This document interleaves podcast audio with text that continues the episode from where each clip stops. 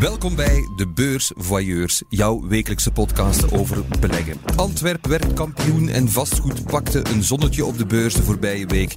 Hopelijk bent u goed ingesmeerd, want het is net zoals in het voetbal. Elke minuut telt en time is money. Genoeg gedraald dus. Alles over beleggen en meer hoort u hier bij De Beurs Voyeurs.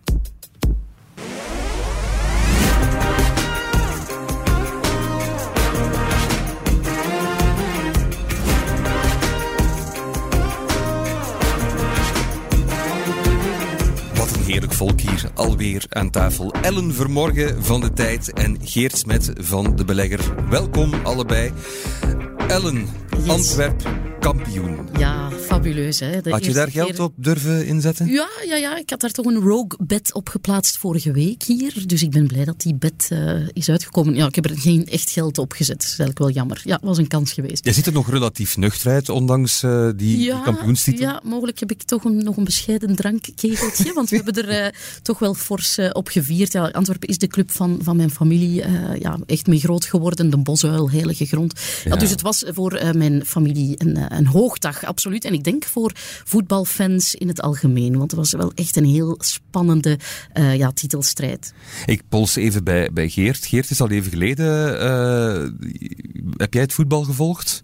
Ik heb het voetbal op restaurant gevolgd en dat was eh, met gans het restaurant was iedereen in, eh, in extase. Zo van eh, ene, da- ene minuut op de andere. Ja, Union gaat kampioen worden, Union niet. Oké, Brugge scoort, dus dan scoorde Genk, Genk kampioen. En dan in de laatste minuten was dat dan nog Antwerpen. Mooier kon de trailer het niet worden. Je had ook eh, onlangs belegger on tour. Is ja, een beetje zoals de Foo Fighters, maar dan met beleggen neem ik aan. Eh, hoe, hoe was dat? Ja, we hebben vier CEO's ontmoet eh, en die hebben allemaal hun best gedaan om een bedrijf te verdedigen ten opzichte van de vragen die we binnenkregen van luisteraars, van kijkers en dan van mijn eigen vragen ook nog. Dus ze hebben zich goed verdedigd, moet ik zeggen. Mooi. En we hebben natuurlijk vandaag weer een bijzondere gast, een fijne gast, een man die goud waard is, kan je redelijk letterlijk nemen. Hij versierde alles de gouden schoen. Voetbal en de beurs zijn onlosmakelijk verbonden, dat hebben we hier al ondervonden. Dus zijn we heel benieuwd naar de portefeuille van onze gast van vandaag, aanvoerder bij AA Gent, Sven Kums. Welkom. Dank u. Dag Sven, alles goed met jou? Ja, alles zeer goed. Jullie eh, hebben een nieuwe sponsor bij Gent. Ik heb het ook net vernomen van jullie, dus... eh, Het stond in de gazette, dus het zal wel waar zijn, neem ik Ja. aan. Baloise, inderdaad. Fantastisch nieuws, toch? Ja, op zich wel, dus... eh, zullen Er zit al bal in, hè? dus dat Voilà. is misschien wel toepasselijk. Ja. Ah, ja, jullie hebben al Ma- Ma- Mathies Samwaze, dus je hebt Balwaze, Samwaze en we spelen allemaal voor de handwaze. Dus dat is eh Vriewaze. ja, oké. Er hangt ook zo'n spandoek eh, op, het, eh, op de Glamco Arena. Ah, kijk, Dus, tjus, ze zijn mij voor geweest. Ik had Ja. de factuur moeten sturen. Ja, niets aan te doen. Goed, je hebt nu vakantie, Sven. ja, klopt. Wat doe je dan? Vooral bezig zijn met de kinderen. Ja. Veel tijd gaan naar hun. En dan eh, volgende week ga ik op vakantie.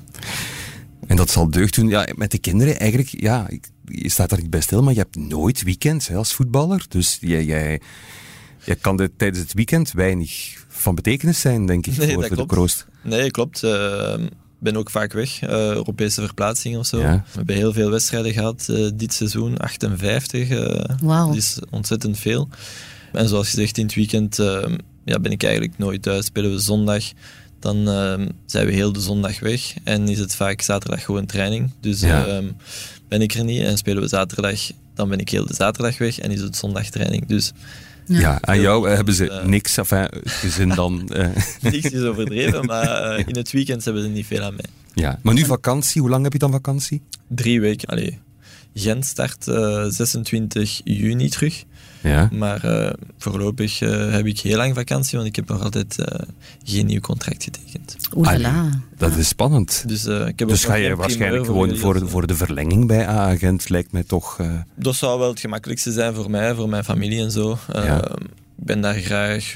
alles blijft dan gewoon hoe dat het was. En Ja. ehm, dat zou voor mij het gemakkelijkste zijn. Nou, en wie zijn de andere potentiële clubs? Ja, dat kan je niet kwijt misschien. Mm, moeilijk. Moeilijk. Dus, eh, Moeilijk. klopt. Wie weet, aan het eind van het gesprek weten we met wie eh, Wie weet allemaal... je veel eh, ja.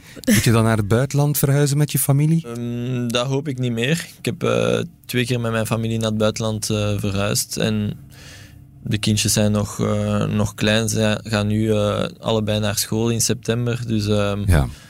Ik zou dat liever eh, niet meer doen. Ja, begrijpelijk. Ja. Dan Nu- kunnen we er al een aantal afturven, dus Ja, dan zitten we nu... Ja, ja, voilà. Dan kunnen we al eh, door deductie een en ander... eh, post 16. we gaan aan het eind van de uitzending gaan we onze gok wagen. Bij welke club eh, Sven gaat er? Echt, wie is het spelen terloops tijdens de beursvailleurs? Eh, In 2016, Sven, dan won je de Gouden Schoen. Is dat een van de mooiste momenten uit jouw voetbalcarrière tot nu toe? Ja, absoluut. Dat jaar was voor ons ehm, perfect. We hebben eerst kampioen gespeeld eh, met Gent dat jaar. Ehm, en het jaar daarna hebben we eh, overwinterd in de Champions League, waardoor ik ook eh ja, Europees mij heb kunnen tonen. En ehm, dan heb ik ook de gouden schoen gewonnen. Dus dat jaar was eigenlijk perfect. Lijkt mij een bijzonder leven als profvoetballer. Is dat iets waar je stelselmatig in rolt en waar je dan plots van vaststelt van oké, ik ben ja, profvoetballer? Ja, absoluut. Je rolt daar inderdaad in. Ehm, het is natuurlijk een droom. Eh, vanaf dat ik klein was, ik ben begonnen met voetballen als ik eh, vijf jaar was, omdat ik naar mijn broer ging kijken. En ehm, ja, dan begin je natuurlijk wel te dromen hoe ouder dat je wordt, hoe meer zin dat je hebt om profvoetballer te worden.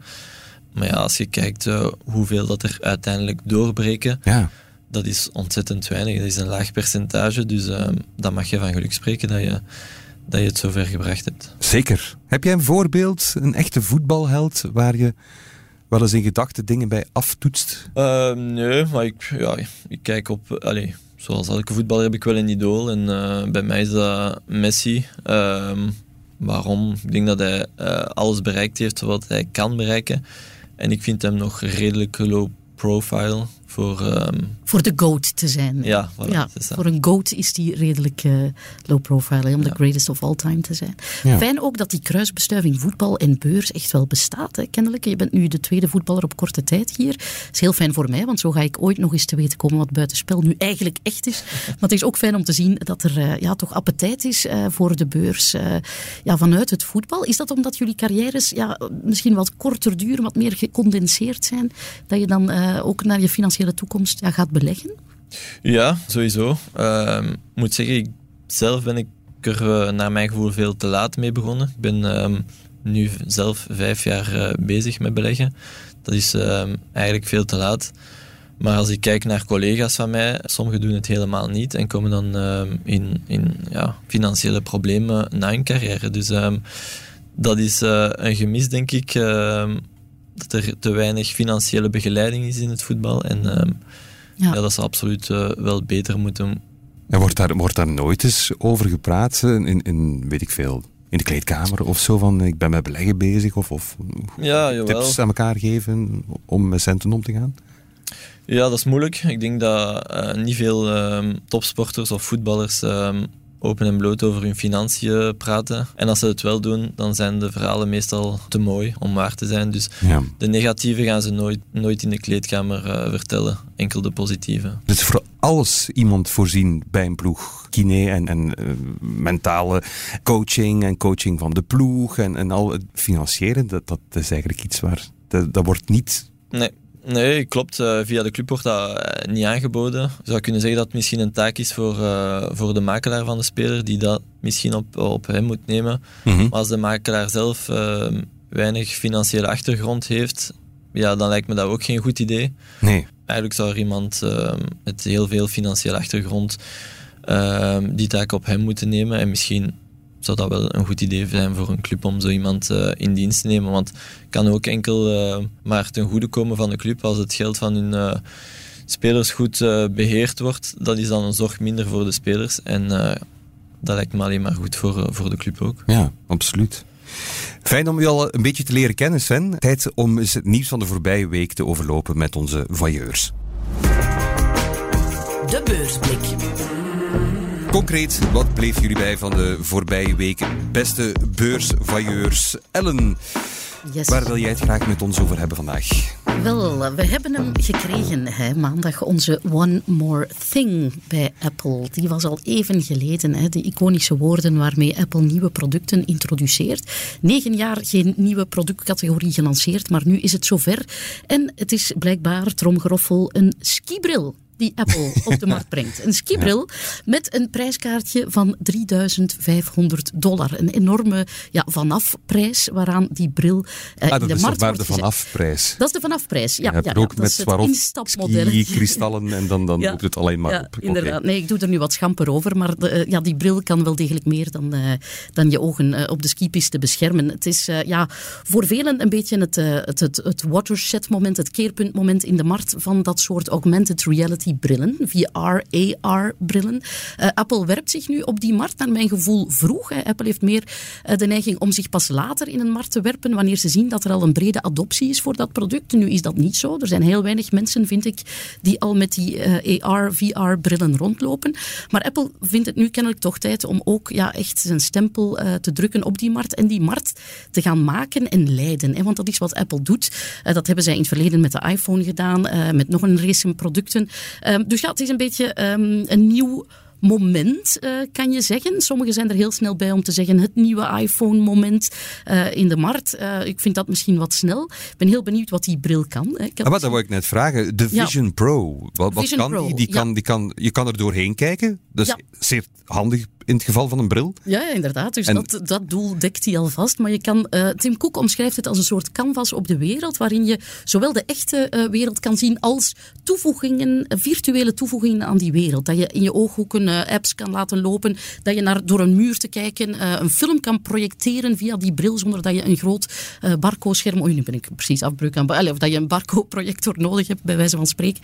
Een aantal toepassingen die worden gezien in het verhogen van de realiteit, of het alterneren van de realiteit. Een mixed reality eh, wordt dat genoemd. En het is niet toevallig dat ze dat voorstellen op hun ontwikkelaarsconferentie. Hè. Ze stellen dat niet per se aan de particulier voor, maar vooral aan programmateurs. Die ze, ze willen die echt warm maken om apps te gaan schrijven voor, eh, ja, voor die bril. Dus ja, de proof of the pudding zal erin zitten. Ik ben heel benieuwd. Ik had misschien een fijner eh, montuurtje verwacht. Vinden jullie Het hem mooi? het is niet meteen een leesbril. Het is echt inderdaad een skibril wel een Ja, beetje. ik- ja, Ik ik- zie hem nog niet direct mee rondlopen. ja. Ik ja, ja, althans wel, Geert. Ik zie je er wel echt wel best mee rondlopen. Ja, ik denk Maar je kunt hem cool ook nog niet gaan kopen in de winkel. Hè. Nee, Hij het zal maar januari pas eh, 24. januari 24 in de winkel liggen. Ja. En ehm, de eerste analisten ja, die maken dan al ramingen van eh, hoeveel stuk zou Apple het eerste jaar of het Ja. tweede jaar kunnen verkopen. En het zou oplopen tot 1 miljoen stuks. Ja. Het eerste, eerste jaar, dat lijkt me nogal, ja, nogal veel. Maar ja, goed. Ja, ben ik oké, dat Sven, dan- Sven, zou, zou je dat meteen, is dat zo een, een gadget waarvan je denkt van, yes, dat moet ik hebben? Nee, totaal niet. Nee, Nee? niks. Je kan ook voetballen in de living en zo dan. hè. Dus, eh, Ja, je hoeft niet meer naar het veld om te trainen. Je kinderen zouden jou meer bij hen hebben, eh, meer thuis hebben. En, en hoe zit dat dan met de fysiek en zo? Met de fysiek, ja, dat, ja, Ja. dat is... Dat Uw ogen dat worden waar. beter wel. Ja, je ogen worden beter, maar Of slechter. Ja, nee, dat is waar. Ja, ja, Maar misschien dus- wel voor het analyseren van een match. Voor de beelden misschien, ja. Ja, kan dat zou Dat, kunnen. dat je wel. tussen de spelers loopt waar je nu eigenlijk zou moeten gelopen hebben Ja, om die, om die Maar er is, een, eh, er is een speler, ik denk dat hij ook nog bij Union heeft gespeeld. ehm, en die nu bij Brighton speelt, die Ja. daar zijn thesis over heeft gemaakt. Ah, cool, ook, hè. ja. Die zo echt zo, hoe moet ik eh, lopen en bewegen om de tegenstander het moeilijker te maken en zo. Ah, ja, ja, amai. Dus dat is echt, eh, dat is echt knap. Ah, wel, dat zijn datapoints die Apple dan misschien kan inzetten om virtueel trainen mogelijk te maken. Ja, voor de beurskoers, het viel mij op, die, die productlancering was op een dag dat Apple ook een nieuw record heeft gevestigd op de beurs. Hè.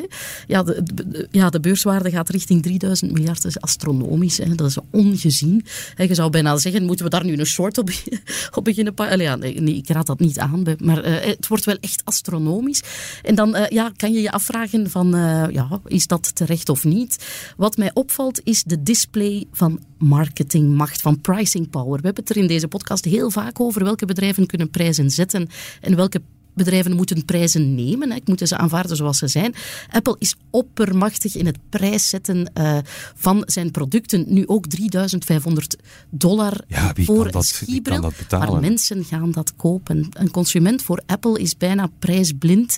Ehm, en ik zeg niet, daar gaan misschien ook andere bedrijven van, van profiteren. Hè. Meta, de eerste die met die brillen echt eh, van, van start is gegaan, biedt modelletjes aan vanaf 350 dollar.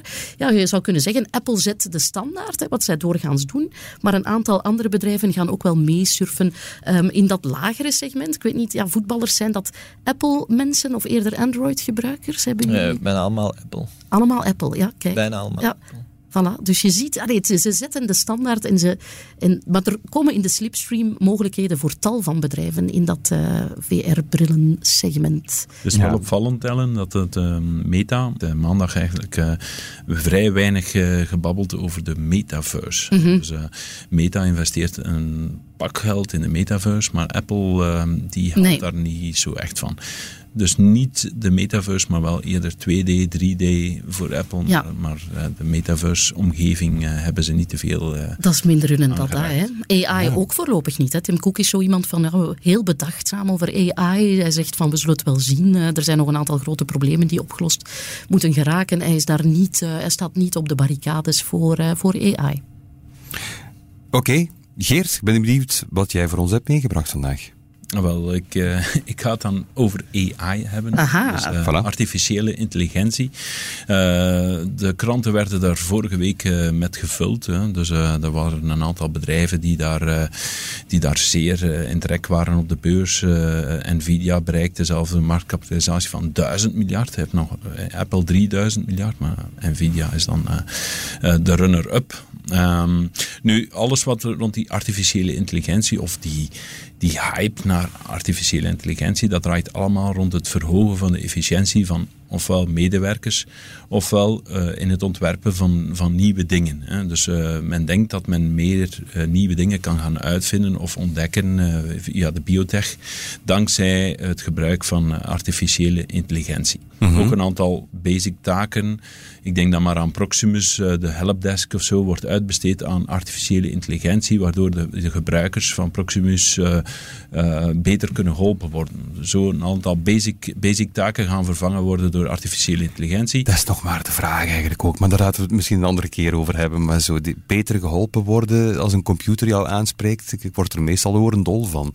Als ik Tuurlijk. op zo'n chat beland, dat is echt het moment waarop ik mijn lullijzer door het raam wil gooien. Gewoon als ik dan... En zeker als gebruiker, omdat je een aantal mogelijkheden afgecheckt krijgt. Ja, voor dit. Oh, het Druk klopt op nooit, het klopt ook echt nooit. Ach, laat me toch rust. Ja. Ik, heb- ik heb wel eh, liever ook altijd iemand direct aan de lijn, dan, eh, dan Ja. zou je het eh, direct geholpen worden. Maar ja, maar goed. Ik, de toekomst is... ik tik ook nooit op het juiste cijfertje. Als ik klik op één of klik op twee, dan denk ik al, nee, Nee. wil gewoon iemand aan de lijn. Ah, voilà. op vijf of zo. Ah ja, maar het is ook echt bedoeld om zo lang mogelijk te verdwalen in Ja, die cijfers, om niet iemand lastig vallen die aan de lijn gaat hangen of zo. Ja, ja, klopt. zo stikt het in elkaar.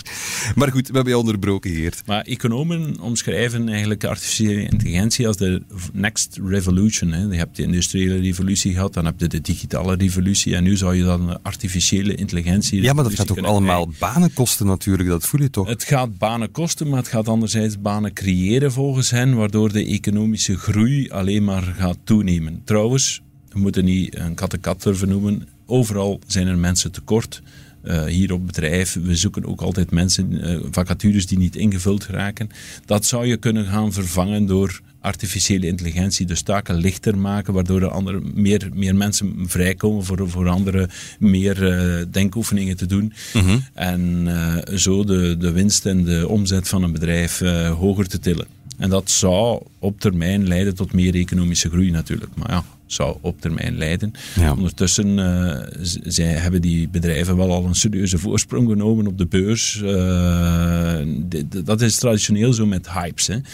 En vind je het een bubbel, Geert? Je hoort het overal, van er is wat bubbelgevaar in AI, omdat iedereen er zo in hordes naartoe trekt. Is het voor jou, eh, vertoont het die kenmerk? Wel, er zijn vandaag een vijftiental bedrijven eh, die erg in trek zijn eh, door, door AI, dus artificiële intelligentie. En, en daar wordt een enorme massa geld naartoe gezogen.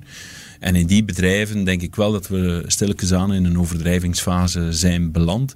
Maar er zijn nog geen winnaars in AI. Oké, we kennen Nvidia, die levert de chips voor de rekenkracht eh, om, om, om, om eh, generative eh, AI mogelijk te maken. Maar, maar ja, dat is dan Ja. één van de zoveel eh, bedrijven die daarop actief zijn. Maar je hebt veel softwarebedrijfjes die, die momenteel het licht zien eh, of die gesteund worden door, eh, door eh, pri- private equity, die in de toekomst nog naar de markt gaan komen. Maar ken je zo bedrijven, bijvoorbeeld in, in eigen land? Voor, voor de, de grote jongens is het al te laat natuurlijk.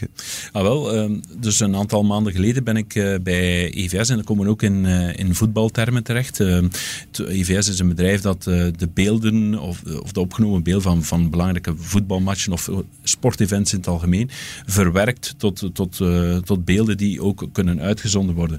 En ook in vertragingsbeelden en zo. En die gebruiken nu al artificiële intelligentie om, om die beelden onmiddellijk te analyseren van dat is, dat is iets dat, dat onmiddellijk moet weggezeefd worden, want dan kunnen we later nog gebruiken. En, en, en deze vertragingsbeelden, oké, dat, is, dat is het moment dat je moet...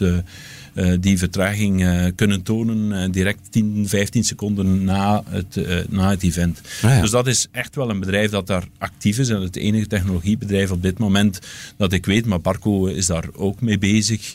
Um, we hebben nog een aantal andere bedrijven, ik denk, denk nu in de, in de medische of de biotech-wereld, zullen ze daar ook stilletjes aan die AI omarmen, ja. denk ik. Ik hoor jou zeggen, Thomas, voor de grote jongens is het te laat, maar ik denk wel dat dat de marktmakers zullen blijven in die sector en ook degenen die het aankunnen. AI stelt ons voor zeer veel uitdagingen, ook uh, ja, naar wetgeving toe en naar regulering toe. En waar zitten de diepe zakken om dat soort dingen te betalen? Dat zit bij die grote jongens. Mm -hmm. Dus ik zie uh, ja, dat die markt toch wel echt in de handen blijft van die grote spelers. Die zullen dan misschien inderdaad wat kleinere bedrijven gaan overnemen om hun uh, ja, AI-ecosysteem te versterken. Maar ik zie daar toch dat zij de troefkaarten in handen hebben ja, die bubbelvorming, is dat nu nog iets waar dat je moet achteraan lopen? Waar jij dan zegt, moeten we daar nog achteraan lopen?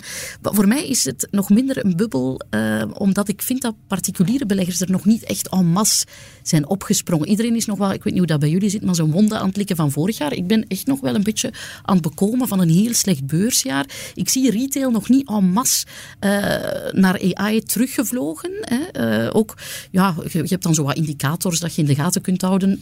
de zoekterm mega megacaps of techcaps wordt nog altijd veel minder gebruikt op Google dan op het hoogtepunt in 21. Uh, terwijl ChatGPT bijvoorbeeld een, een, zoekterm is op Google die nu meer wordt gebruikt dan Bitcoin. Hmm. Mensen typen meer ChatGPT in op Google dan ze het woord Bitcoin uh, ingeven. Dus de interesse is er, maar voor mij is er ja, misschien nog niet de, de grote, uh, allez, de, de bubbelvorming um, waar sommigen voor waarschuwen. Omdat retail of particuliere belegger voor mij nog een klein beetje in de lappenmand Is dat iets is dat iets waar jij in investeert in bedrijven die met artificial intelligence bezig zijn, Sven? Uh, ik heb uh, Microsoft in de portefeuille, dus uh, op zich wel een ja. beetje. Maar ik vraag me af, is dat echt een eh, ja, is dat de investering waard? Zo de, ja, zij zijn frontrunner op, ook. Op dit moment bedoel ik. Ze zijn eigenlijk frontrunner geweest. Hè. In het begin van het jaar hebben ze gezegd, we gaan investeren in ChatGDP. En onmiddellijk heeft dat uh, kleine dienstverlening bedrijfje 100 miljoen uh, gebruikers kunnen aantrekken. Dus de hefboom van zo'n grote ja. speler die zegt, ja, daar moeten we in zitten. Dat is enorm. Dat, en ook, ook Microsoft zal dat gebruiken in zijn software, waardoor alles uh, van werkprocessen uh, vergemakkelijkt wordt. Uh. Enfin, ik ben heel benieuwd, Sven, wat jij voor ons hebt meegebracht vandaag. Ja, ik heb niet echt een nieuwsfeit van de afgelopen week. Maar ik denk... Dat is niet erg. Ah, oké. Okay. Ik heb meer iets, daar straks al een beetje aangehaald, een groot probleem binnen de voetbalwereld en sportwereld. En dat is dat veel spelers kampen met financiële problemen. Dat is raar om te horen, want je denkt van voetballers, ja, die verdienen wel flink een boterham. Ja, dat is het nu net. Hè. Er zijn uh, veel studies geweest. Uh, enkele jaren geleden is er nog een studie geweest dat uh, 25% van de Belgische voetballers financiële problemen hebben. En als je weet dat ze inderdaad toch wel goed hun boterham verdienen, mm -hmm. dan, ja, dan moet dat probleem ergens vandaan komen. En, Wat loopt er fout? Er loopt heel veel fout, denk ik. Ehm, ik denk dat uh, voetballers zelf misschien gewoon te weinig bezig zijn met hun uh, financiën. Dat ze ook te weinig financiële achtergrond hebben. Uh, ik denk ook ehm, dat ze ja, vaak geadviseerd worden omdat, ze, omdat er veel mensen natuurlijk eh, hun, hun een kleine bijdrage willen verdienen op de voetballers. Uh, zo. En dan heb je, heb je natuurlijk zoiets, ja, van wie moet ik gaan vertrouwen? Niet gemakkelijk. Andere problemen zijn verkeerde investeringen. Zoveel problemen uh, dat het maakt er zoveel voetballers gewoon... Uh, in de problemen raken. Ja, maar ja. ik denk niet dat dat enkel in België is. er zijn ook studies geweest in het buitenland waar dat het nog veel erger is.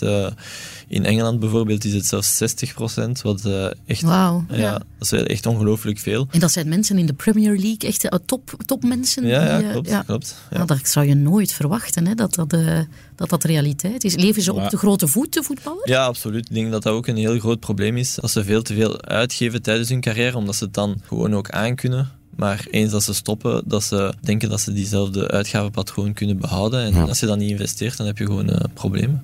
Hoe heb jij dat dan geleerd? Eh, ik heb het geluk gehad dat ik op eh, het juiste moment eh, de juiste persoon heb tegengekomen. Want, En wie was dat dan? Ja, dat was toevallig een makelaar eigenlijk. Een van de enige makelaars in België die dat wel doet, samen met zijn, met zijn vrouw. En die noemen we Stir. En die bieden dat wel aan. En ehm, die hebben echt wel mijn ogen geopend. Dat als ik niks zou beginnen investeren, dat, eh, dat ik ook wel eh, ooit eh, problemen zou, zou krijgen. Dus, ehm, maar ik zeg het, ik heb even goed geïnvesteerd in vastgoed. Recht tegenover het kanaal bijvoorbeeld. In de Upside heb ik ooit wel eens Aha. geïnvesteerd. Wat, De site van Athenor staat op de beurs. Hè? Ja. ja, klopt. Wat een van mijn slechtste eh, investeringen was. Athenor het aandeel of de, de, de, de- het nee, appartement? het Ja. appartement Ja, de oei. Upside. Ja, klopt. vertel eens. Ja. Ja, er wordt, eh, toen was dat iets unieks. Hè. De hoogste toren van, eh, van België of van Europa. De hoogste woontoren Woontoren van Benelux of zo, Ja, zoiets. zoiets. Ja. Ehm, het was uniek, een uniek concept. Ik denk dat er eh, 24 op 24 uur ehm, dienstverlening was beneden. Er was een restaurant beneden dat je kon ehm, eten bestellen en dat bracht dat dan naar boven. Er was ook wellness op het derde verdiep of zo. Dus ik vond dat een, Een aantrekkelijk... eh, een aantrekkelijk, ja. ja. ja, inderdaad, een aantrekkelijke investering. Eh, ik heb dan iets gekocht op eh 38e verdieping. eh, en ehm, ja, ik heb daar eh, ongelooflijk veel spijt van, want eh, de, de maandelijkse kosten waren ongelooflijk hoog. Ehm, ik denk 400 euro per maand of, of ja. 500 euro per maand. Die je natuurlijk kan doorrekenen aan de huurders, totdat er een probleem is met het zwembad. En eh, het zwembad begint te lekken Ai, ai. beginnen andere problemen te komen en Ja. eh, uw huurder wil dat niet meer eh, betalen. Dus dan heb ik het eh, uiteindelijk na een jaar of, of twee jaar verkocht. Hm. Altijd iets. Ja, altijd iets. En dan heb ik eh, een andere weg gezocht, samen met, eh met Sturdan. Die hebben mij dan ehm, ehm, ja, in contact gebracht met ehm, vermogensbeheerders. Ehm, en daar zit ik nu ondertussen vijf jaar. En ik moet zeggen, dat is wel iets dat ik eh, met veel meer passie doe dan, eh, dan het vastgoedverhaal. Hoe gebeurt dat dan? Ja, hoe gebeurt dat? Ehm, ik denk dat ik nu ongeveer vijf, vijf jaar bij, bij hun zit. We hebben samen gekeken naar ehm, wat, mijn, wat mijn doelstellingen zijn voor, eh, voor als ik stop met voetballen. Hoeveel inkomsten dat ik nodig heb om mijn uitgavenpatroon te kunnen handhaven. En daar hebben we een, een, een plan op gemaakt. En daar zijn we nu ondertussen vijf jaar mee bezig. Dus, ehm, En, heb je veel vrijheid om, om nadrukken te leggen? Kun je zeggen, van ik wil bijvoorbeeld niet ofwel in olie zitten, of ik wil meer in jonge bedrijven, of meer in, Ja, ja, in- absoluut. in, obligaties, aandelen? Ja. Ja, ja, zij doen elke maand een voorstel, want ik beleg eh, elke maand in een pakketje aandelen. En dan kan ik inderdaad zeggen, eh, ben ik daar eh, akkoord mee of niet? Heb ik zelf suggesties? En ik mag wel zeggen dat ik ondertussen al een paar suggesties heb gedaan, die nu in mijn portefeuille zitten en die het relatief goed doen. Dus eh, ja, dat is, dat is fijn ook. Oké, ik voel de hete adem van Wanda in mijn nek, want dat zijn de soort van vragen die ze het liefst zelf aan jou stelt. Geen probleem. Dus tijd om Wanda de nodige aandacht te geven waar ze om eist en om eens echt grondig in jouw portefeuille te duiken, Sven. Door Wanda dan wel te verstaan. Ja, is goed.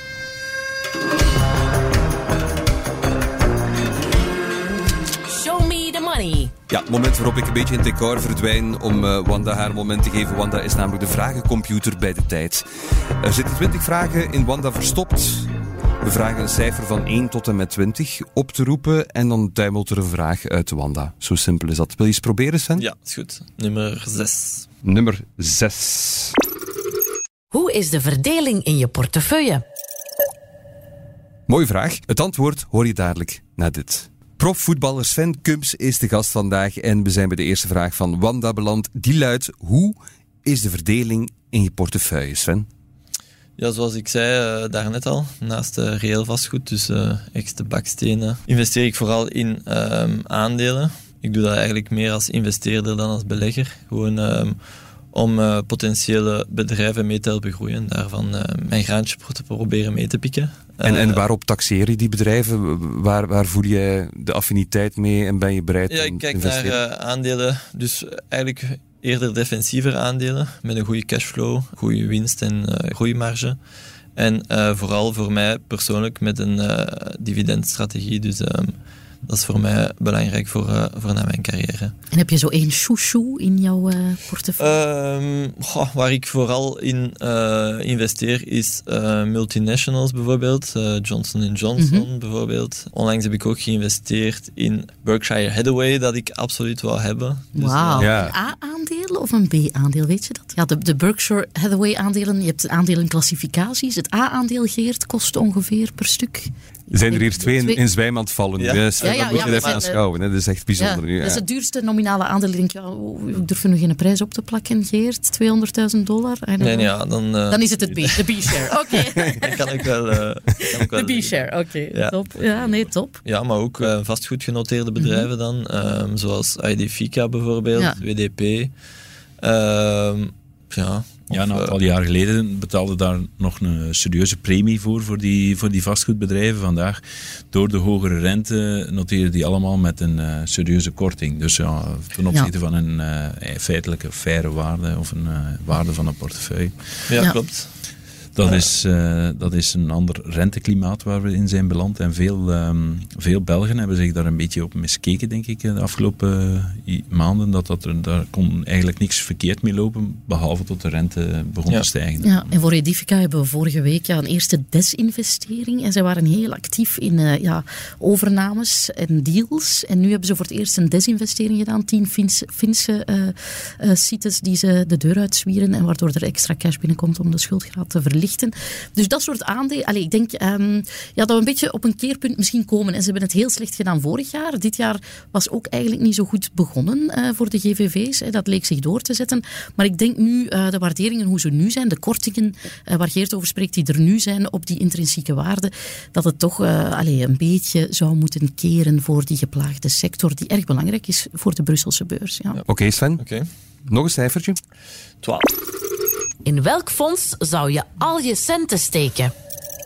Of heb je ze gewoon allemaal ingestoken?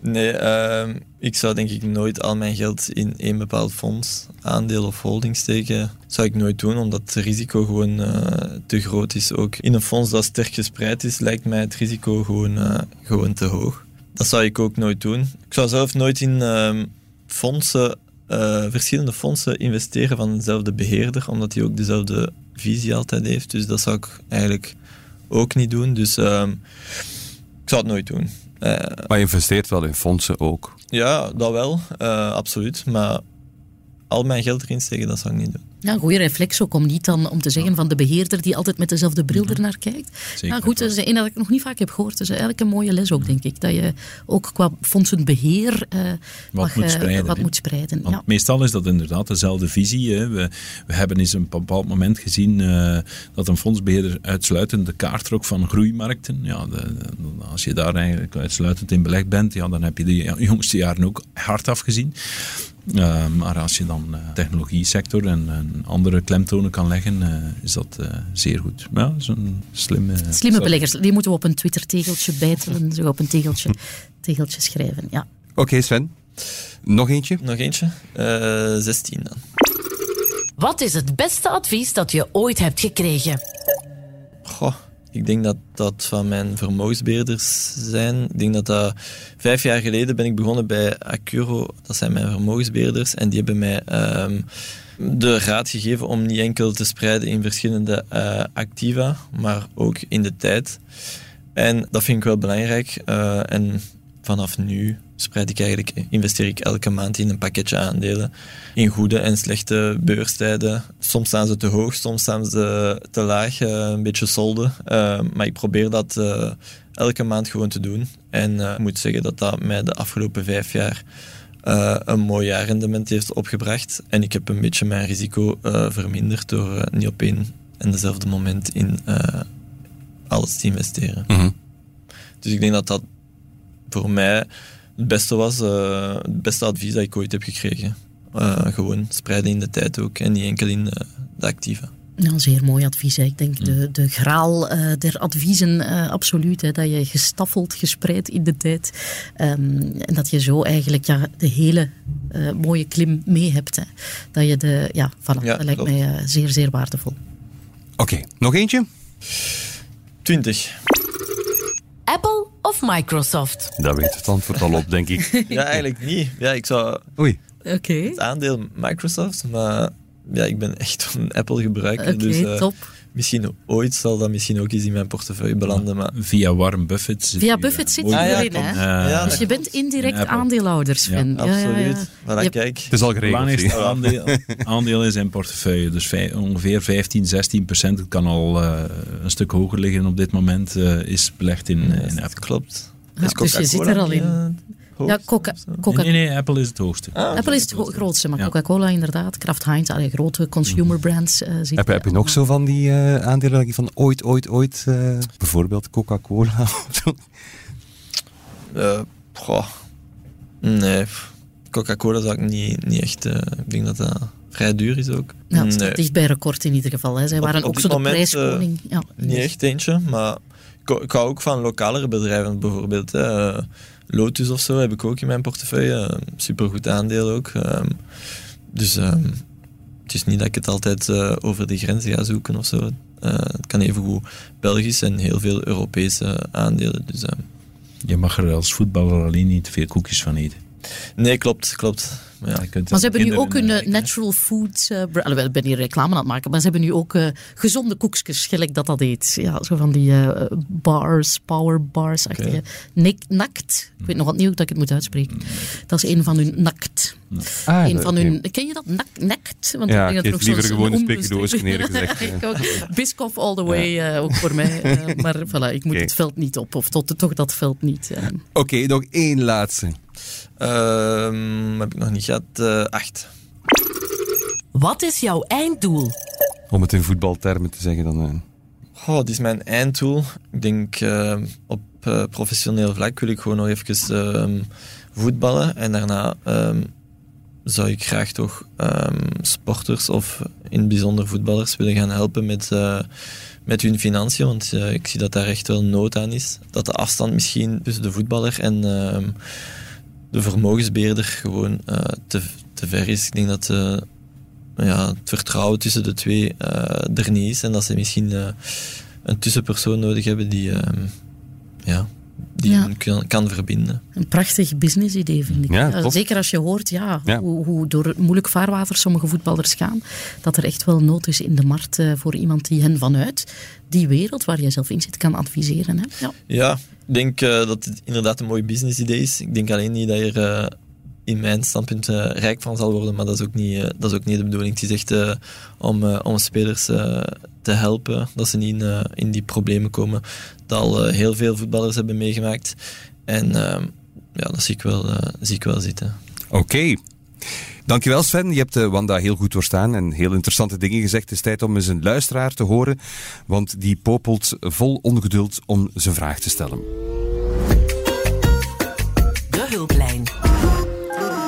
U weet ons vlot te vinden, beste luisteraar, tot mijn groot jolijt, want we zijn er per slot van rekening om jou te helpen.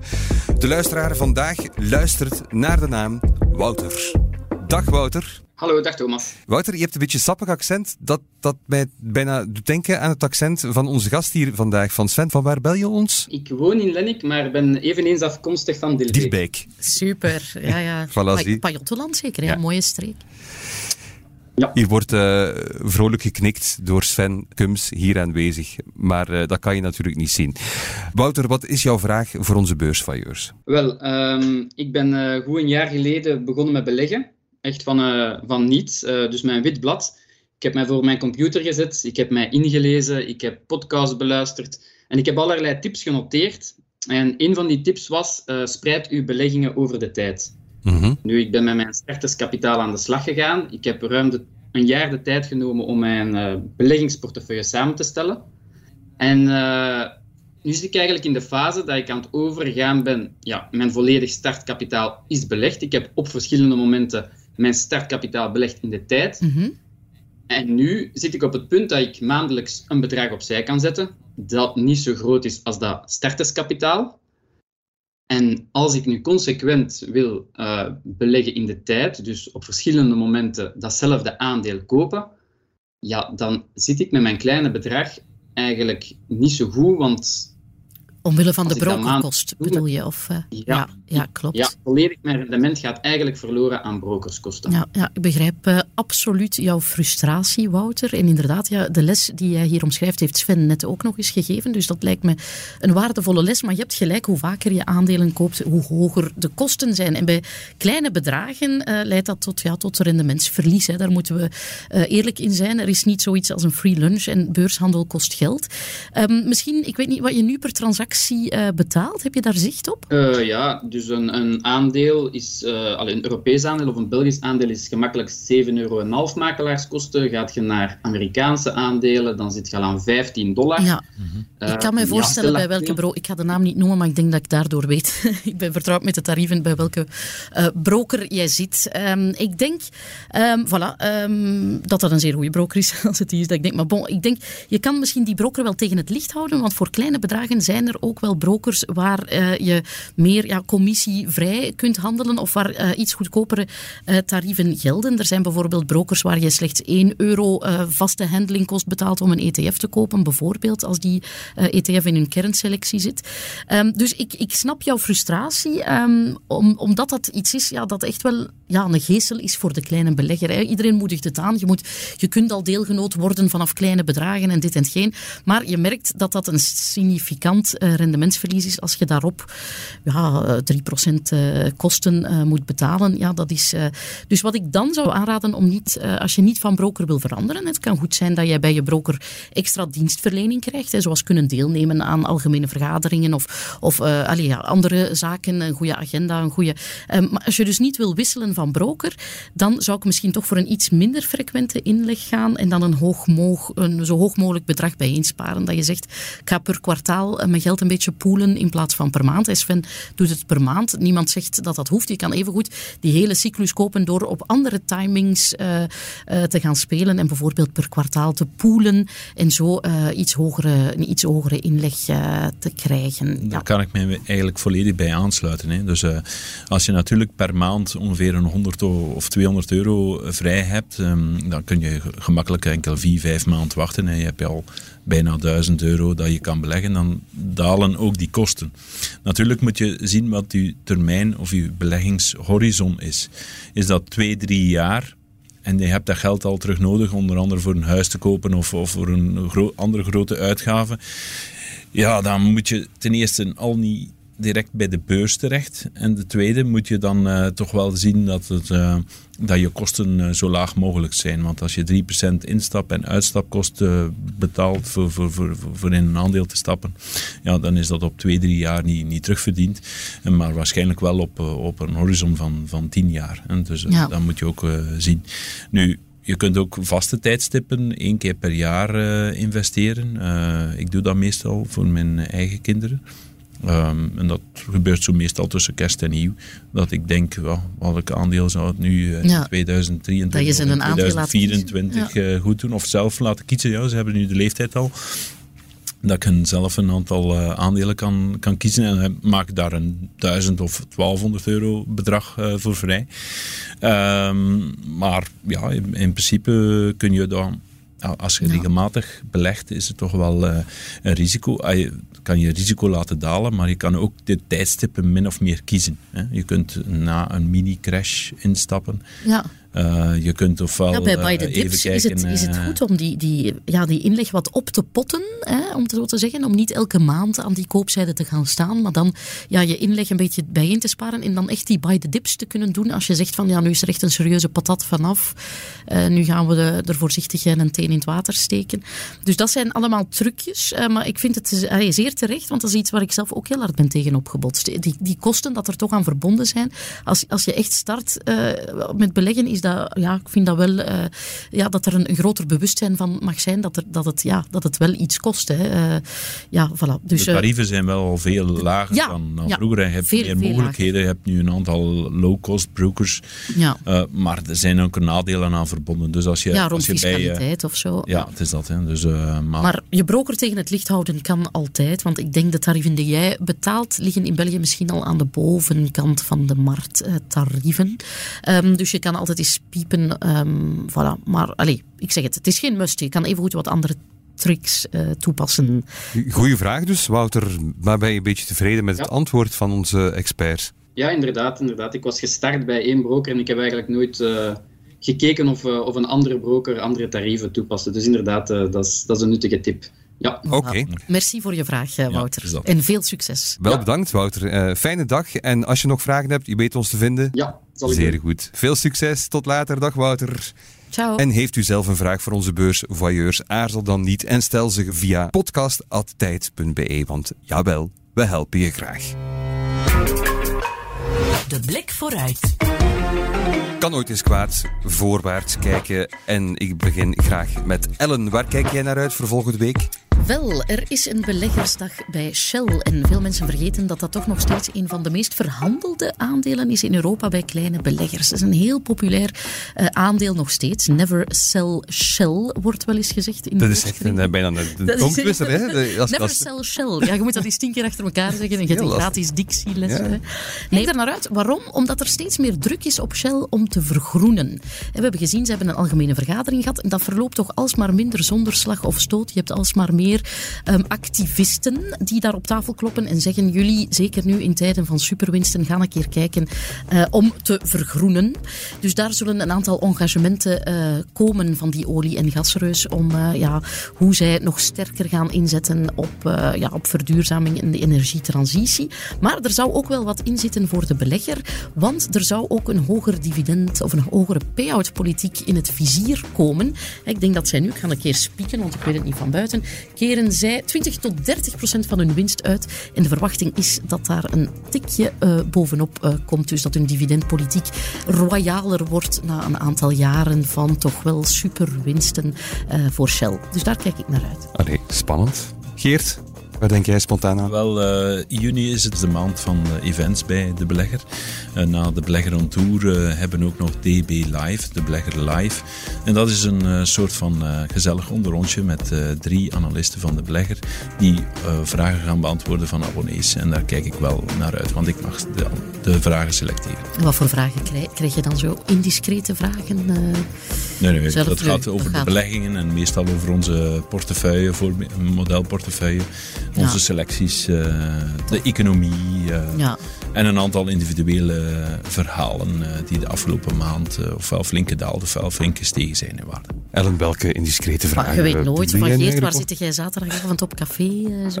Ja, ik, ik- ik weet niet, hè. Maar, Ja. ja, ik weet dat ze bij de belegger hebben ze een mooie fanbasis en ik weet dat die eh, graag... eh? Maar jij is met mij Dat- beleggen of zo. Dus ik- ja, dat dat schunnige Wilde jij met mij wat gaan dollar cost averagen de komende zondag? Je weet dat niet, hè? Ja, voilà, dat had gekund. Sven, waar kijk jij naar uit? Naar jouw vakantie, neem ik aan. Ja, absoluut. Maandag vertrek ik naar Sardinië, dus eh ga deugd doen na een, na een zwaar seizoen.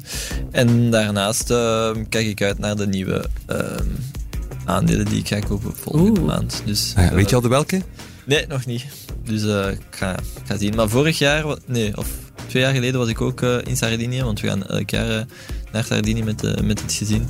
En ehm, daar heb ik mijn allereerste aandeel zelf eh, eh, Ja, gekocht. In eigen beheer. Ja, Ja. ja, klopt. En dat was LVMA. Dus Oh, wauw, daar zal je mooi mee gevaren Ja, zijn absoluut. in het afgelopen jaar. zeer tevreden ja. mee. Ja, waar ze, wat voor inspiratie Sardinië allemaal niet kan Ja, bieden. absoluut. Dus Ja, ik hoor dat het daar prachtig is. Ja, absoluut. Ja. Geniet ervan met volle teugen. En eh, mogen wij nu gokken op welke clubs? Zeker, je mag altijd gokken. Zullen we dat nog doen als afsluiter? Ja, ik hoop en ik denk Antwerp. Niet zo ver van Gent. En een extra injectie gekregen dankzij de titel. Dus ze, hebben, ze kunnen jou misschien nu wel betalen, Sven. Wie weet. Ja, Ik hoop, ik hoop toch op eh, Gent hoor. De- Gent, ik ja denk toch, nog, eh, toch nog bij de Buffalo's willen- blijven. willen houden. eh. Ja.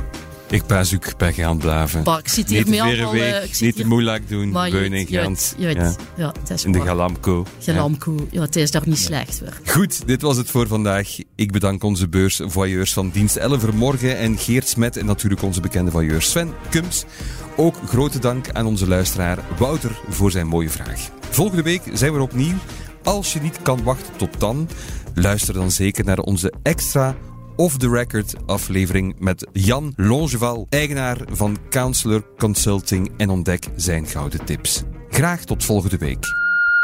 Hallo, beursvoyeurs. Ja zeg, merci voor de uitnodiging. Hè. Ik kijk er naar uit om af te komen. De Pax Media. Ja, even studio wisselen, maar niet van onderwerp. Want mensen financieel wijzer maken, dat is mijn missie. En soms kunnen mij ook vinden als begrafenisondernemer. Maar kom, we houden het luchtig. Tot volgende week. Dag. Dit was de Beursvoyeurs. Presentatie door Thomas de Soete, productie door Anne-Sophie Moerman. Mis het beursnieuws niet op tijd.be.